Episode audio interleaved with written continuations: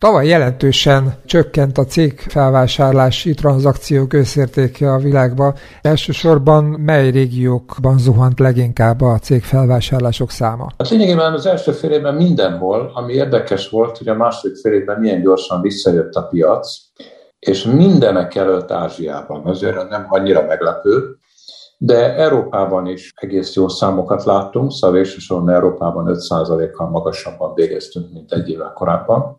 De Amerika az továbbra is gyengélkedett, és végül 20%-kal alacsonyabban zárt, mint 2019-ben. Ázsia meg remekül produkált. Tehát akkor azt lehet mondani, hogy most Ázsia húzza ezt az egész iparágat? Hát igen, lehet mondani, és ez úgy néz ki, hogy már így is marad mert Ázsia a történelemben először megelőzte Európát a tranzakciók összvolumenét illetően, és miután az ázsiai gazdasági növekedés magasabb, mint az európai, ezért minden bizonyal itt fogjuk a több tranzakciót látni a jövőben is. Az észak-amerikai piac úgy tűnik, hogy összeomlott így a tavalyi év elején. Ebből azért talpra tudott állni, vagy tulajdonképpen ami növekedés volt, az mind Ázsiának köszönhető? Hát Európának is, azért volt Európában egy kis növekedés, de javarészt Ázsiának, igen. De azért Amerikát nem írnám le, mert Amerikában mindig szokott lenni egy pár gigantikus méretű tranzakció, és hogyha azok elhalasztódnak, vagy nem jönnek létre, akkor az amerikai számokban ez látszik. Tehát itt ugye, ha van 10-20 milliárd dollár fölötti tranzakció, azt 10-20-1 milliárdosnak kell helyettesíteni.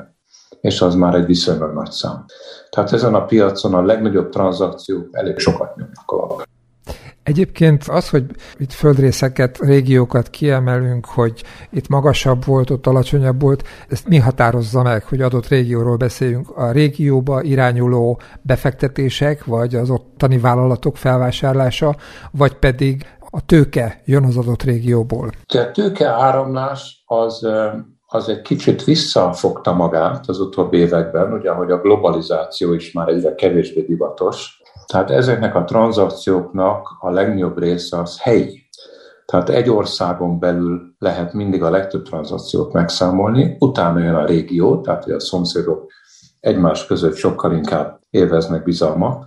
Egész egyszerűen a cégek a közvetlen környezetüket jobban ismerik, mint néhány ezer kilométerre odébb.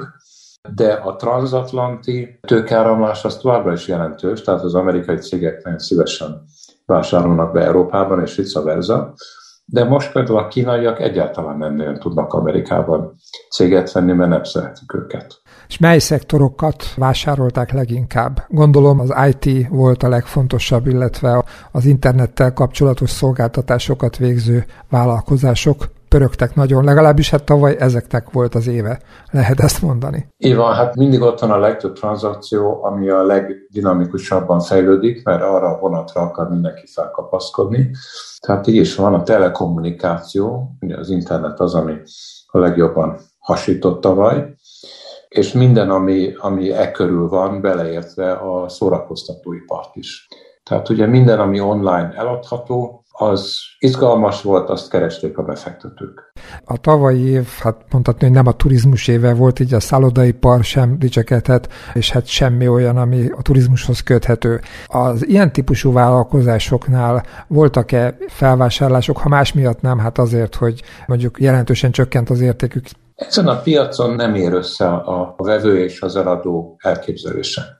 Ja, mert a vevők most úgy gondolják, hogy lehet olcsón vásárolni, de az eladók meg nem akarják olcsón adni. Tehát az utolsó leheletek kapaszkodnak a szállodáikba, meg a hajóikba. Úgyhogy, mint hogy 2008-ban is kell egy pár év, amíg a legsérülékenyebb, leggyengébb cégtulajdonosok elvéreznek, és akkor már azt mondják, hogy hát bármilyen veszteséggel, de túl akarok adni rajta, mert a végén a bank mondjuk elveszi.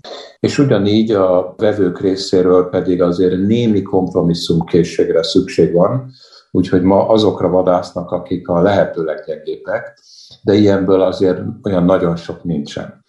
Tehát ez a piac is meg fog lódulni, én abban egész biztos vagyok, csak még egy kicsit korai ez a pillanat.